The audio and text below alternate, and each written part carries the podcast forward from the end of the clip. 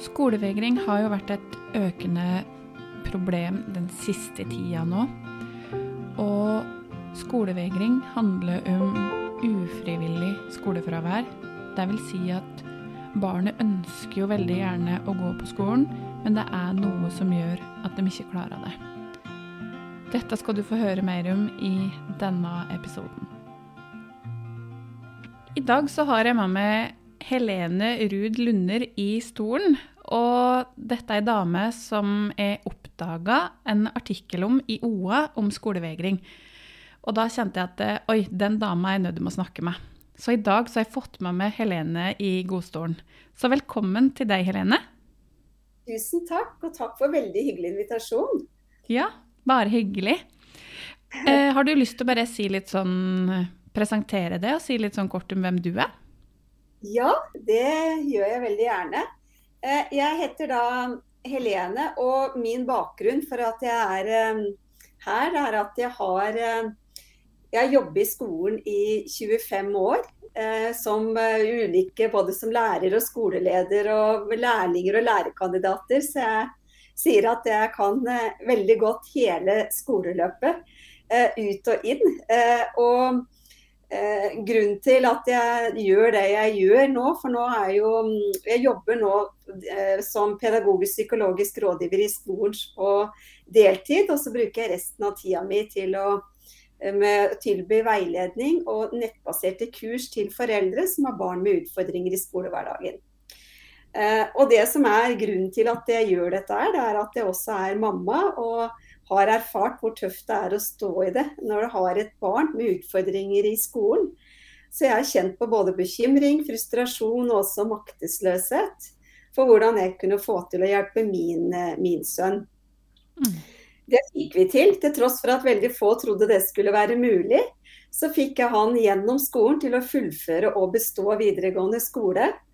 Eh, og da lovte jeg meg sjøl på den veien her at eh, hvis jeg får til dette her med å hjelpe sønnen min, da vil jeg bruke deler av tida mi til å hjelpe andre foreldre. For jeg veit hvor tøft det er å stå i det aleine og vite hvordan bør jeg gå frem, eh, hva er det som kan hjelpe. Mm. Ja, det er jo nettopp dette vi skal snakke om i dag, med skolevegring. Og jeg har mm. jo sjøl en sønn som eh, jeg sliter med å få på skolen og som har sagt at det er greit at jeg deler litt av hans utfordringer da i denne podkasten, for jeg har vært åpen om at jeg skal snakke om skolevegring, og da sa han at det var greit. Eh, så jeg tenker først Jeg vil spørre deg litt, Helene, om eh, Vil du si litt om hva skolevegring er for noe?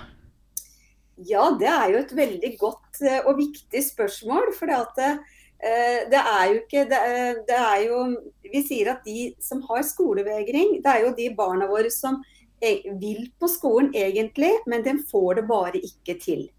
Eh, og det, det som stopper de da, det er jo dette her med denne følelsen av angst. Det er noe som, som blir så vanskelig at de da ikke får til å gå, gå på skolen. Eh, og det er viktig å skille på dette her, for det er jo det er ikke slik at det, alle barn som ikke går på skolen har skolevegring.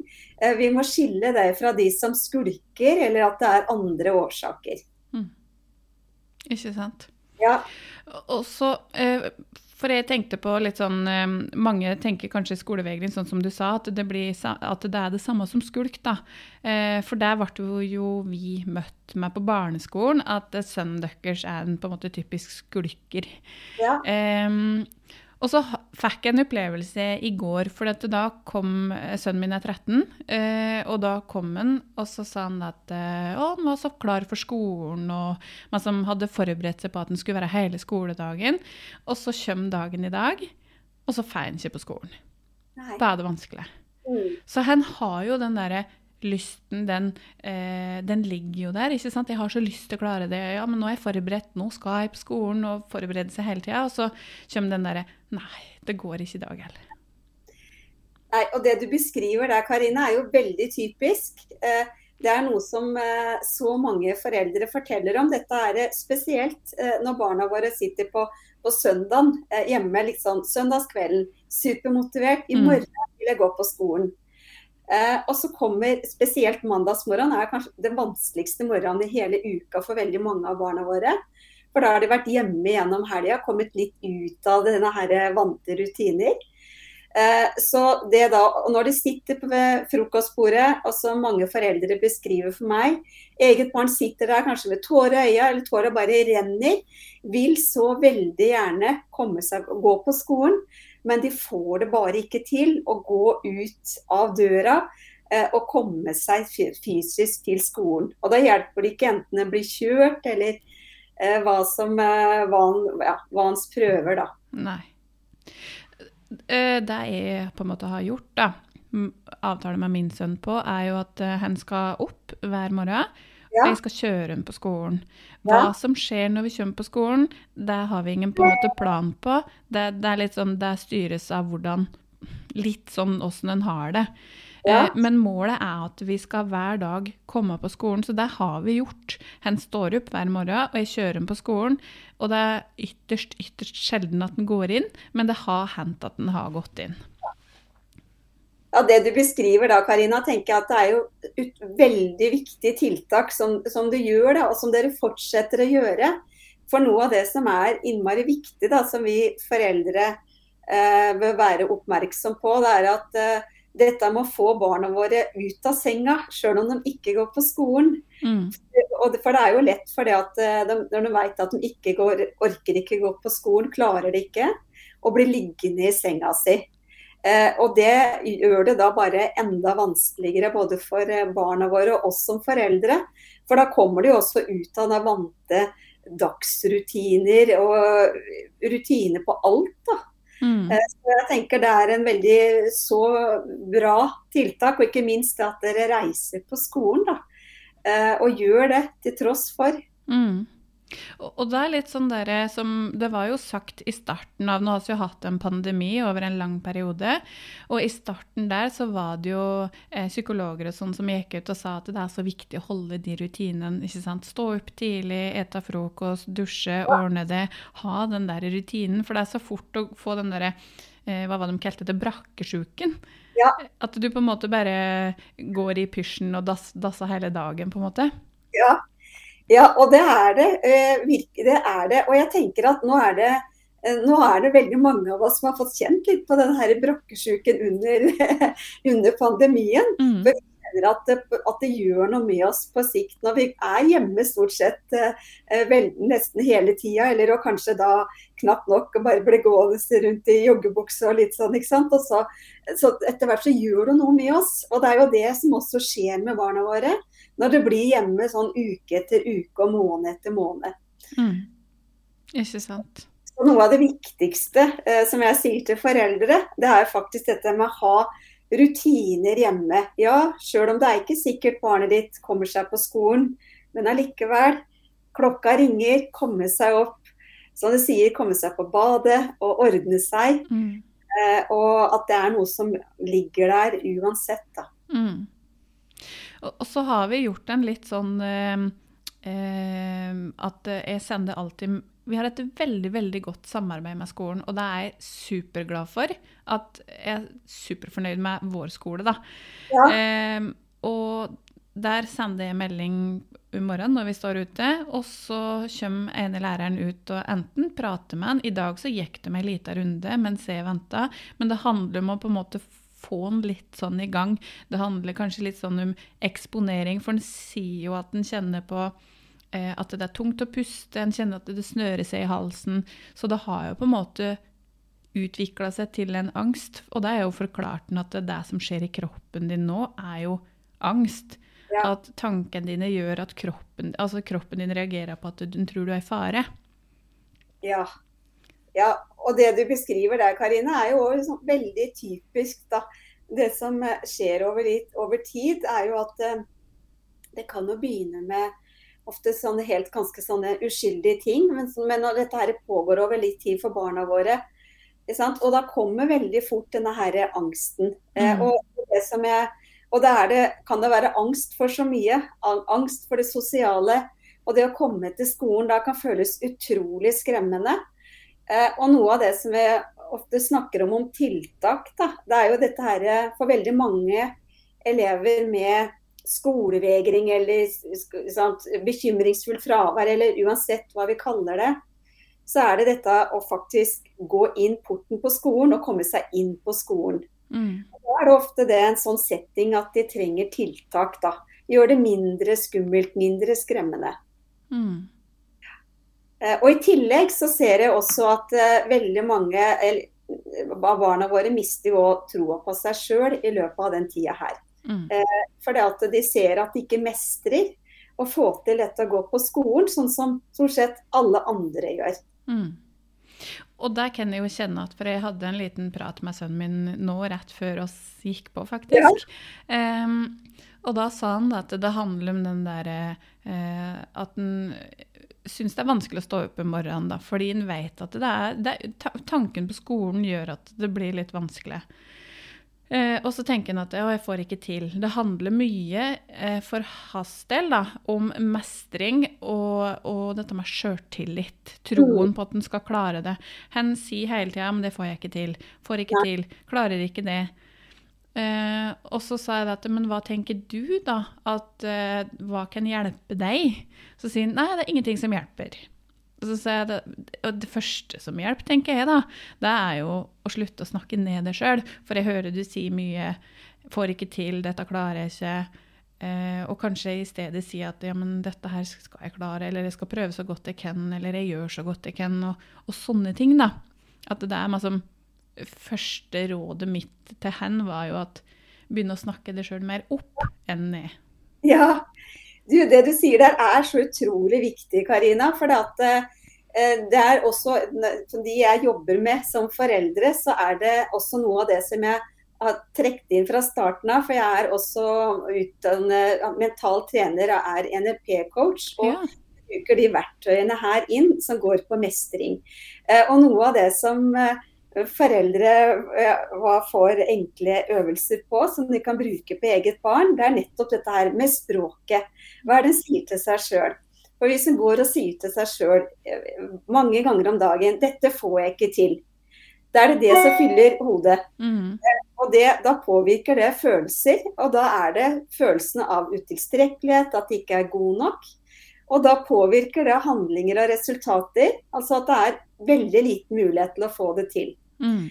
Dette trenger vi å begynne å øve på, og dette er det viktig at foreldre kan gjøre mye for å jobbe med egne barn.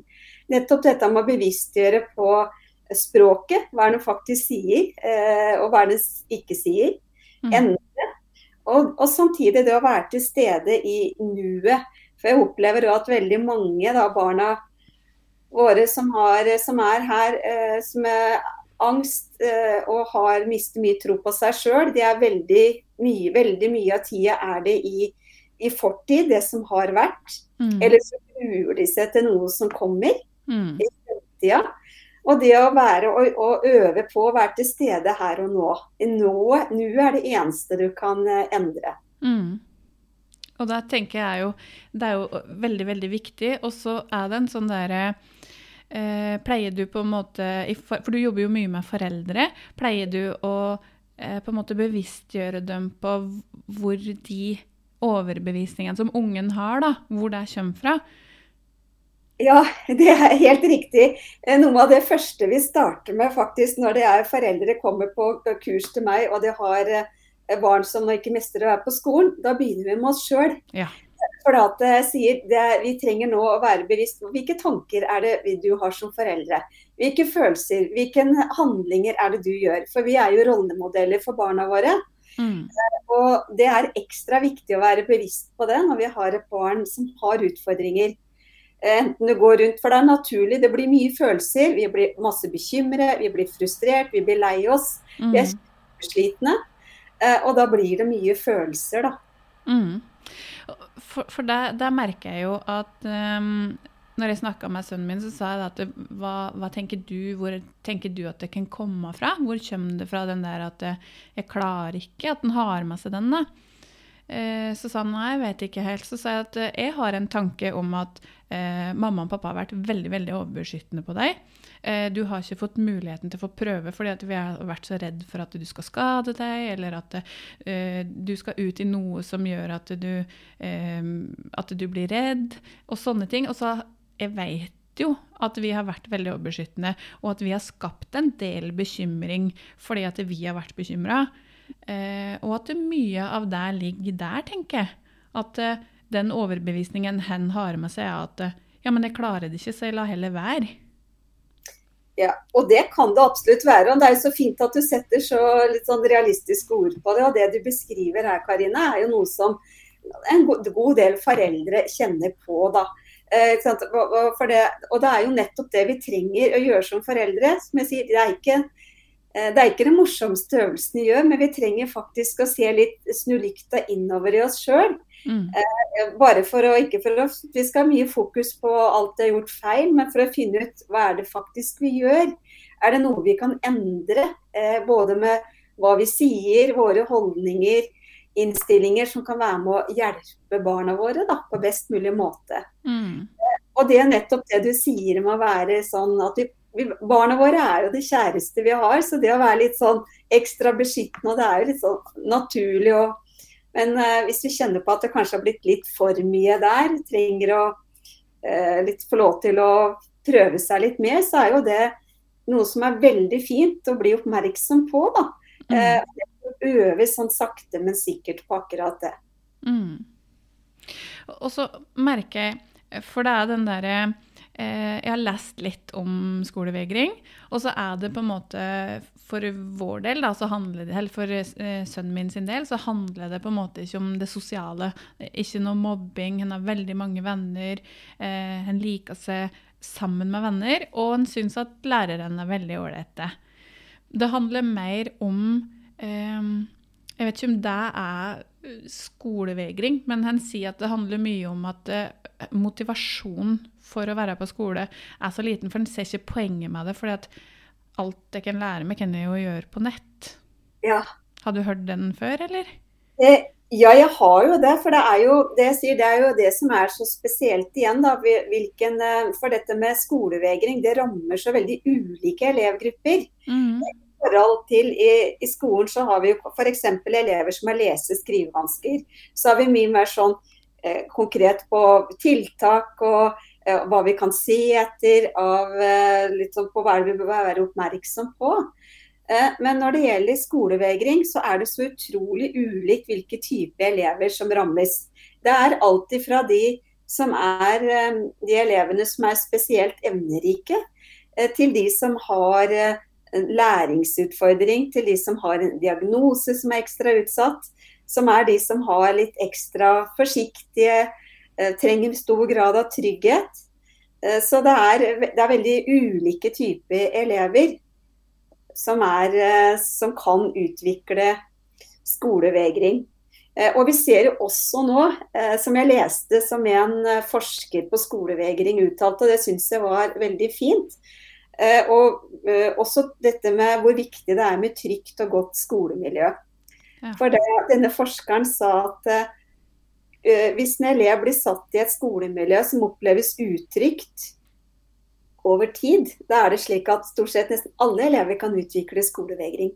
Ja. For det, er, det, gjør så mye med en elev når de over tid er, opplever et eh, utrygt miljø uten at de har de trygge relasjonene og rammene rundt seg.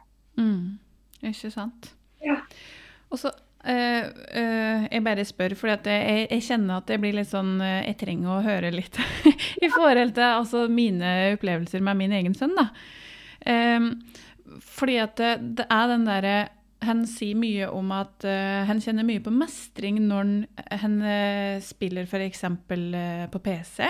Så kjenner ja. han mye på mestring. Når han er ute og sager med motorsaga sammen med pappa, så kjenner han på mestring. Uh, når vi er ute på svømming, så kjenner han på mestring. Men så er det litt sånn Ja, men det er utenfor skolen. Alt, alt er bra i livet hans utenom skolen. Så det er den derre Jeg prøver jo å forklare at Eh, det er skoleplikt i Norge. Det er noe vi må.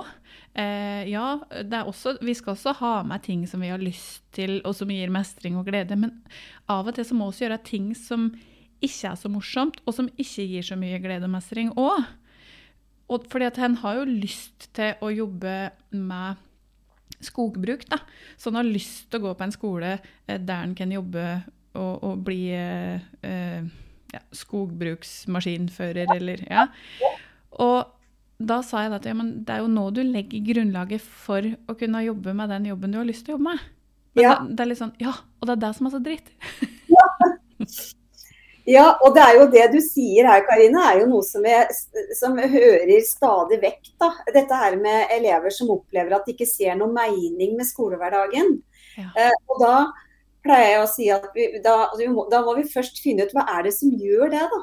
Eh, for jeg opplever jo at vi har noen, en del elever der som faktisk da, som ikke forstår hva som foregår i skolehverdagen. Som har kanskje at de har noe, alt fra lese- skrivevansker til andre vansker som kanskje ikke har blitt oppdaget. Så de trenger å gjennomgå og trenger en kartlegging og finne ut hva er det som gjør det. Eh, For det er jo det jeg legger til grunn, det er at det er jo alltid noe som ligger til grunn. Og det er det vi trenger å finne ut av. Mm. Og det er jo, for Jeg opplever veldig ofte at elever sier at de ikke forstår hensikten med, syns det blir kjedelig. Mm. Det ordet kjedelig brukes veldig ofte når elever ikke forstår. Ja. Eh, og, da, og da skjønner jeg at skolen blir kjedelig. Hvis du sitter på skolen dag etter dag eh, og får vansker og, og har falt av det faglige, så blir jo skolen veldig kjedelig. Mm. Eh, men de legger noe annet i det enn det, enn det kanskje mange av oss foreldre eh, og skolen også gjør. Mm. For, for det, er jo, det er jo de ordene hun bruker òg. At Ja. eh, hun skjønner ikke hvorfor hun skal måtte gå på skolen. Skolen er jo så kjedelig. Og det har det vært hele tida. Han skjønner ikke. Det, ikke en, det, er lærer, er ikke en, det samme som eleven i klassa lærer, kan jeg finne på ved å søke på nett. Og jeg ser jo på en måte den at eh, skolen driver jo fortsatt eh, mye på samme måten som vi gjorde før. Ja. Men det er jo en del endring. Men det er den derre Det har kommet filmer om andre verdenskrig, det er mye på nettet. Du har YouTube, du kan google. Det er masse, du finner jo mye der. Så jeg skjønner den derre Hvorfor skal vi lære det som vi faktisk kan bare ett søk, så har vi det? Mm. Ja. ja, og jeg tenker at de eh, elever som sier det sånn som sønnen din, Karina, så er det jo eh, Det er jo elever også som er eh, som, som virkelig reflekterer og tenker rundt. Da. Eh, og da er det også viktig å være oppmerksom på at eh, vi hører elever som er spesielt emnerike, kjeder seg veldig fort i skolen og ser ikke hensikten med eh, å være og tenke er det, får de nok utfordringer i skolehverdagen. Mm. Eh, Eh, Og Derfor så er det alltid viktig å, å gå i dialog med skolen for å finne ut mer eh, hva det handler om. Er det alle fag? Er det noen fag?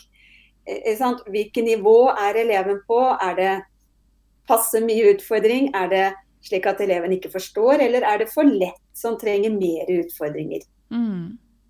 Så det er så mange ting som trengs å, å sjekkes ut. Og jeg ser jo at, eh, og sier alltid at en elev med skolevegring eh, er eh, De er seg sjøl lik. Det er det. Vi kan ikke si at vi bare da gjør vi det slik og slik på tiltak. Vi trenger å se eleven, vi trenger å kartlegge, vi trenger å finne tilrettelegging, tiltak for denne eleven her. Mm. Det kan være ganske annerledes tiltak enn en annen elev på samme skole som også har skolevegring. For de har ulike ut, som, utfordringer som ligger til grunn. Da. Mm. Og- der må jeg jo igjen da skryte av skolen, for jeg har fått Jeg er superfornøyd. Eh, og PP-tjenesten har jo på en måte godtatt at hen får muligheten til å jobbe hver fredag. Eh, så da er han med å jobbe med mer fysiske ting Ja. eh, på fredager.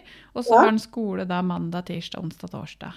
Så bra at du har funnet noe som fungerer. Ja, og, og da spretter han jo opp klokka halv sju om morgenen og er superfornøyd og klar for å jobbe.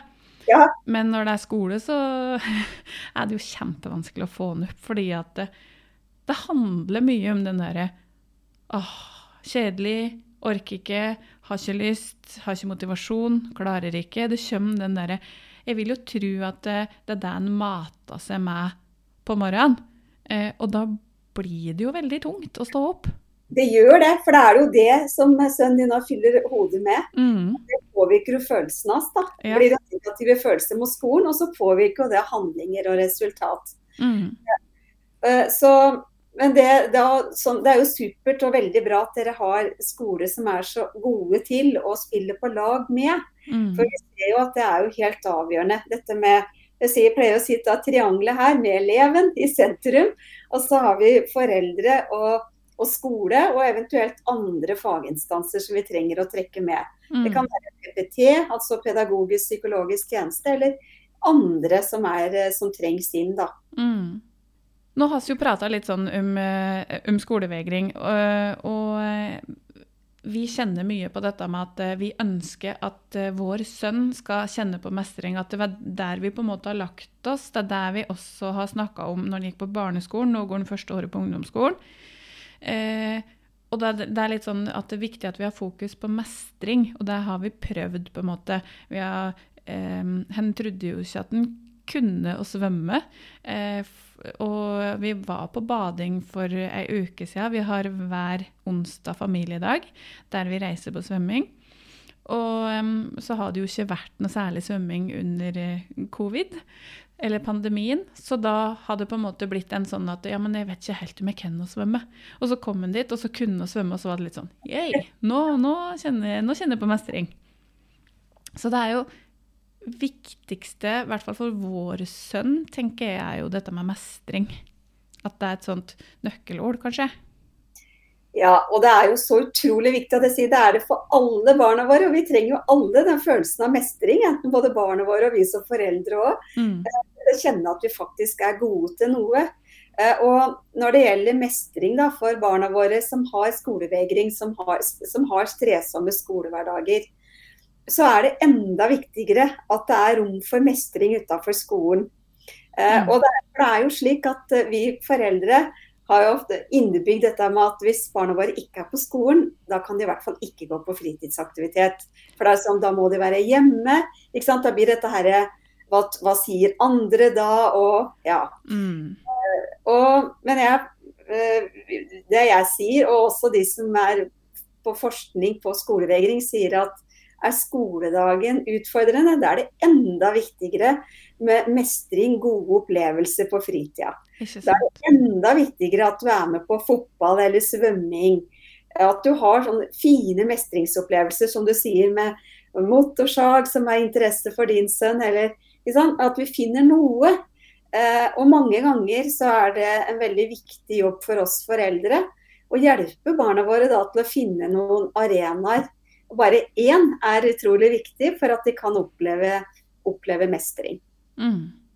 Ja, men så bra. Og det er jo kjempeviktig, for det merker jeg jo på vår egen sønn at eh, når vi gjør sånne ting, så skjer det skjer jo noe med han, ikke? Det vokser jo litt og litt og litt, eh, den, mestre, den troa på seg sjøl, da. Det er akkurat det, og det ligger til grunn. Eh, Mm. og de som er med på kurs hos meg, vi har da noe som vi kaller Bra-bok. Da ser, utfordrer på å skrive hver dag, skrive noe fint i Bra-boka eh, som eget barn gjør, enten spesiell, om det er noe Det kan være alt ifra at barnet kommer og er på tilbudssida og dekker på middagsbordet uten at du har bedt om det. At den er sånn spesielt eh, omsorg overfor eh, lillesøster, eller er på fotballkamp og løper fortest av alle på fotballbanen. Mm. Eh, Så alt det som du ser barnet ditt mestrer, sier ta barnet ditt til det, og noter det ned. For dette er gull som du kan bruke også inn mot skolehverdagen. Mm. Der ligger det mye mot, og det ligger det å få til noe. Og vise at ja, men du har jo, du har jo vist at du får til noe. At du da, enten det er på svømmehallen eller andre aktiviteter, da. Mm. At det kan hjelpe inn i skolehverdagen. Eh, Og der, der tenker jeg at det der tror jeg vi har gjort et bra tiltak. Fordi eh, rundt middagsbordet så bruker vi på en måte å ta en sånn runde eh, alle sammen om at eh, to ting som har vært bra med dagen i dag. Eh, en ting som kunne vært annerledes for å på en måte prøve å få tak i hvis det har skjedd noe. Eh, og en ting en er takknemlig for. Mm. Og en ting du liker med deg sjøl. Kjempebra. Og da er det litt sånn da lærer jo ungen dette med ikke minst takknemlighet, som jeg syns er veldig veldig viktig. Men også dette med å, å finne ting som du liker med deg sjøl. Um, uh, om det er ferdigheter eller kvaliteter eller utseende. Hva som helst, men det skal være én ting du liker med deg sjøl hver dag. Ja, det er veldig bra, Karina. Her er det jo fokus på så viktige også, det, kan, det kan, være, kan, høres ut som veldig små ting, mm. men det er så viktig for å kunne hjelpe barna våre til å bygge både mestring og tro på seg sjøl. Så dette er grunnleggende mental styrke. Ikke sant. Mm. Mm. Og så lurer jeg på, er det noen sånne er det på en måte noen spesielle faretegn eller noe sånt som vi er nødt til å se etter? Eller hva er det på en måte eh, foreldrene kan legge merke til? Hva er man som litt sånn obs, obs eh, i forhold til skolevegring? da? Ja, ja, det er jo veldig fint at du spør om det. For det er jo veldig viktig at vi er oppmerksom på, eh, på hva, hva skal vi si etter. Uh, og jeg sier det, det aller viktige, det er, det er, jo veldig mange ting, men jeg kan ta litt det helt det vanligste. Og det, er jo, det aller viktigste er jo fravær. Og det er når barnet ditt eh, unngår og vil gå på skolen uten at du helt forstår hvorfor. Og mm. da snakker vi ikke om når barnet ditt er hjemme nå pga. covid, influensa, eller sånne Du ser at barnet ditt er fysisk syk. Men det er når barnet ditt får økende fravær, og du ikke forstår hvorfor. Ja. Så det mm. med fravær er utrolig viktig. Og da kan det òg være viktig å se på ok, ser vi noe mønster her. Spesielt er det kanskje det er, som mange har, økt fravær på mandager. Mm. Eh, er det, og spesielt etter ferier. Der, der, starter det med mange. Det kan også være at du ser at barnet ditt endrer seg. Sånn som en mamma sa til meg, sendte melding i dag, var så lei seg og bekymret. For at nå var jo planen at sønnen hennes skulle på skolen i dag, og det hadde jo skåret seg. Som jeg sier, og jeg, jeg skjønner ikke hva som har skjedd med gutten min. For han var jo glad og smilte mye, eh, lo. Eh, liksom var, sånn, var så fin gutt. Eh, og nå ser vi at gutten min har forandret seg så veldig. Han har blitt så innesluttet, veldig stille. Andre får det motsatte, at de er mye sinte. Noen kan få sånne raserianfall uten at du helt skjønner hva er det som skjer her. Eh, så det å være oppmerksom på endring i atferd er også innmari viktig. Mm.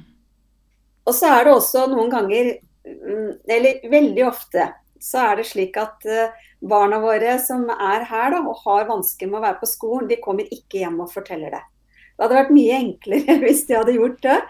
Men, eh, men vi som kjenner, vi kjenner jo barna våre best. Så da sier jeg ofte bruk intuisjonen din til foreldre. Magefølelsen. For mm. vi kjenner på oss når det er noe som ikke stemmer. Eh, eh, og da å ta det på alvor når vi ser at dette her pågår over tid. Mange ganger kan det være at barnet ditt forsøker å fortelle deg noe, enten ved å si noe, si ting på hva er det egentlig som ble sagt nå, eller hva ble ikke sagt. Eh, ja, og, være på, altså. Både se og høre og, og, og føle. Eh, for da kan vi også fange opp veldig mye. Mm. Mm. Så bra. Um, og det merker jeg jo i forhold til Igjen tilbake til min egen sønn, da, så merker jeg jo dette her med at eh, Jeg tror det handler om at vi er veldig åpne og, og snakker mye. For at han kommer hjem og forteller, og setter litt mer og mer ord på hva er utfordringen, da. Hva mm. er det som er vanskelig? Liksom, når jeg snakka med han nå, så var det meg som Hva syns du er vanskelig med å reise på skolen? Og det er jo den derre Etter eh, hjemmeskole For det begynte veldig bra på ungdomsskolen, skjønner du. Men etter den eh, pandemien og hjemmeskole så utvikla det seg til en sånn derre angst for å gå på skolen. Og mm. der vil jeg jo tro har vært Jeg vet ikke om det er en sånn økning har vært nå eh, med skolevegring, da. Etter den hjemmeskolen. Jo, og det, det, er jo akkurat det, det, som du beskriver her, Karina, som flere skoleforskere setter ord på. Da, at de opplever nå at det er flere av barna våre, enten det er barn eller ungdom, som opplever dette her. Mm. Eh, for det er igjen, eh, når vi får angst for noe, det, det som vi enklest kan overkomme angsten Tenk på hvis du har høydeskrekk, det å, å våge å gå på en topp eller gå opp noe som vi syns er skikkelig skummelt, kjenne på mestringsfølelsen etterpå. Men det er skikkelig tøft når vi står i det. Mm. Eh, men når vi har blitt hjemme, kanskje et barn som da syns det er vanskelig med skolen, har blitt hjemme over lang tid, da blir det så mye vanskeligere å våge å komme seg av gårde igjen. Mm. Eh, så både når det gjelder selve skolen, eh, det kan være det sosiale, det kan være ja, flere ting i skolehverdagen da, som gjør at eh, barna våre syns er ekstra utfordrende nå. Mm. Og da, da, merker jeg jo at det ble på en måte etter den tida med eh, hjemmeskole at ting ble litt utfordrende. Og han hadde jo også veldig sånn bekymring for smitte og, ja. og eh, covid, da, og for å få korona, på en måte. Ja. ja. og det er jo også For noen så var det også det at det er eh, denne her bekymringen der, da, enten for seg mm. selv, for familie, var redde for, ikke sant. Om det var eh, Så det har vært så mange, mange ting rundt dette her, da. Mm. Og, da. og da er det også viktig å ta følelsen til barna våre på alvor. For ja. det er jo veldig fort i en travel hverdag. Altså, vi, hvis barna våre sier et eller annet der, noe de er engstelige for, Eh, og det å bare sånn, Nei, men nå må du gi deg, da. Dette her er jo ikke noe farlig. ikke sant? For da bagatelliserer vi jo det som barna våre setter ord på. Mm. Og nettopp for vi tenker da kanskje at vi dysser det ned, for det er det smarteste. Eh, men da opplever jo barna våre veldig fort at de blir avfeid på den følelsen de har. Så det å møte barnet ditt på akkurat det Ja, men du, det, jeg forstår jo godt at du føler det slik at du tenker på det nå. At du, du, er jo ikke den eneste som gjør det. Og litt, mm. sånn, og, og litt å være i det å møte barnet ditt. Og så OK, men hva kan vi gjøre da for at dette kan føles bedre for deg? For at du skal føles tryggere. Mm. Mm. Og sånn er det vel også eh, Nå er jo verdensbildet vårt ganske sånn eh, ille, syns jeg, for tida. Eh, og sånn er det jo i forhold til sånn spørsmålet om dette rundt Russland og Ukraina og sånn òg mange unger som kjenner på frykt der òg, ikke sant?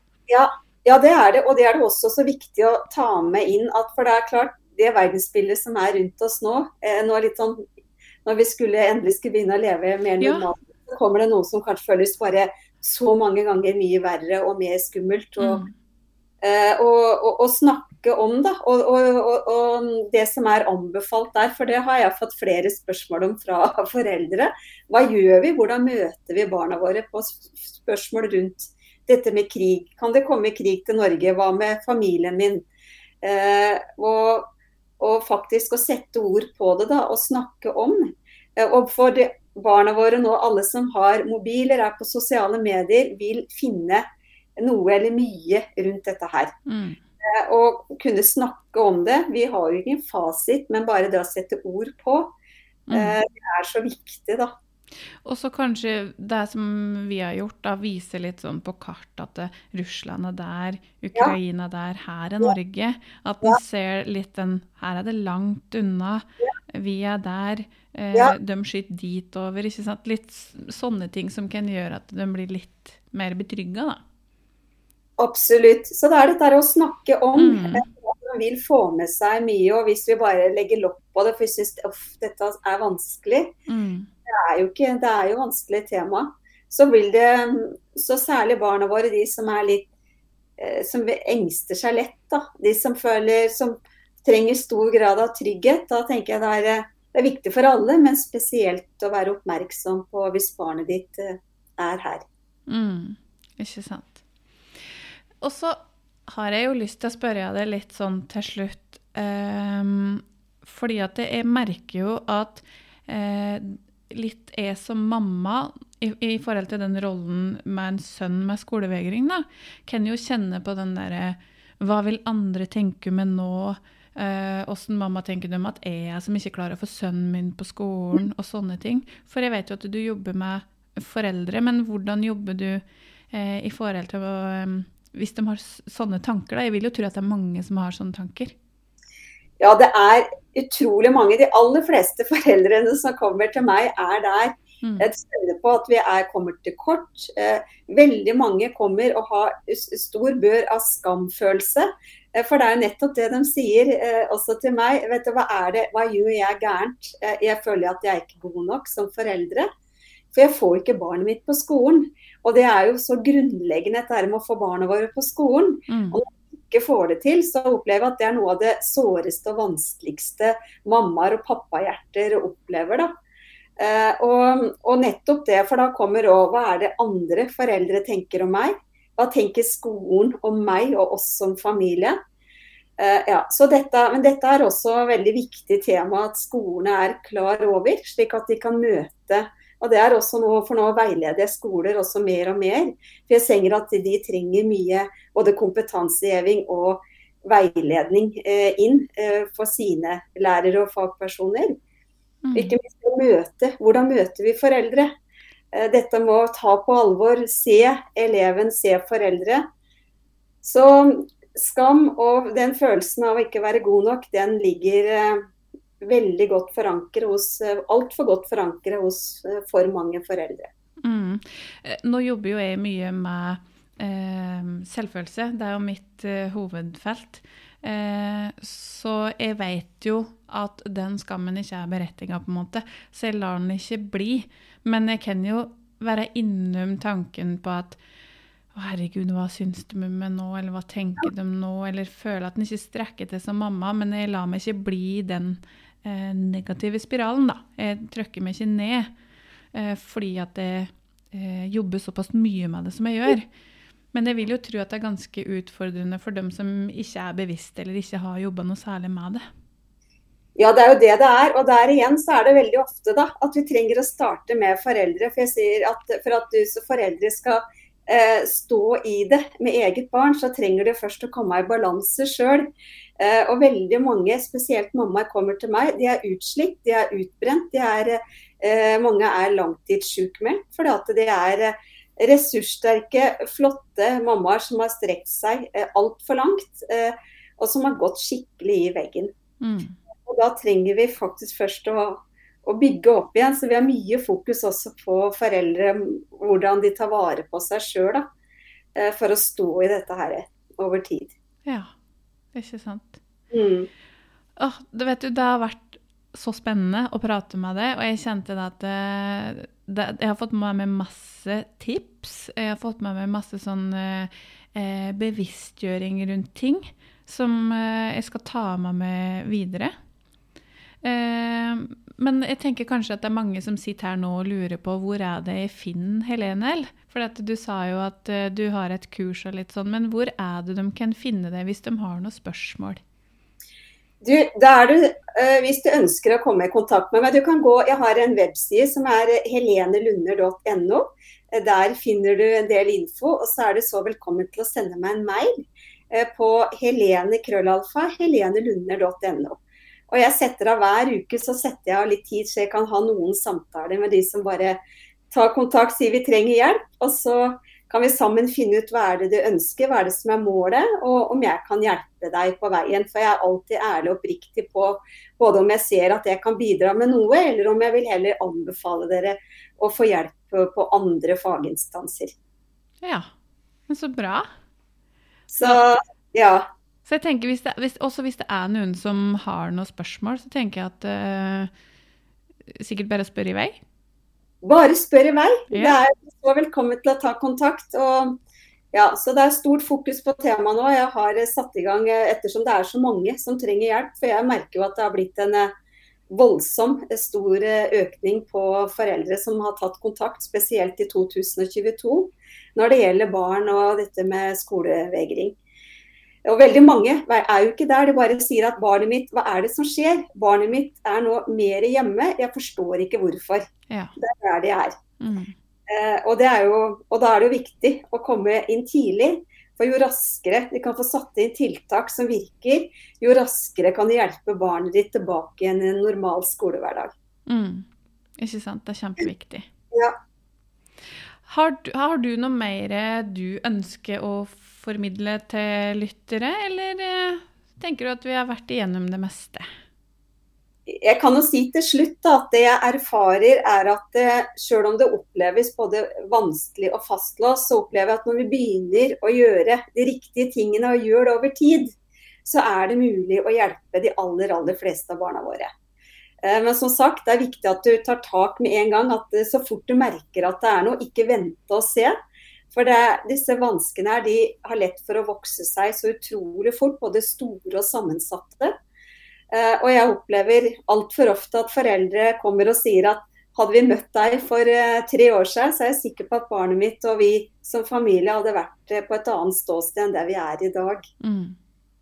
Så, som med det håp det er mulig å få til. Det handler om å være trygg på hvor du starter, og hva du gjør, og hva som kan hjelpe for jenta eller gutten din.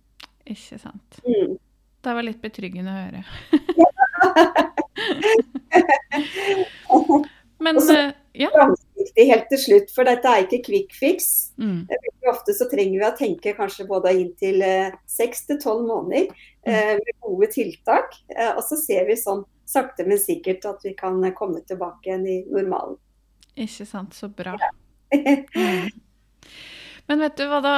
Kjempekoselig at uh, du hadde lyst til å stille opp i denne episoden her. Det setter jeg stor pris på. Det var masse, masse læring for min del, i hvert fall. Og jeg håper at det er mange der ute også som fikk uh, mye ut av det. Ja, Tusen takk for invitasjonen. Jeg syns det var veldig hyggelig og fint å komme og snakke om et tema som jeg brenner så for. Så tusen takk til deg, Karina. Jo, bare hyggelig. Mm. Da får du ha en fin dag videre, og så snakkes vi muligens igjen.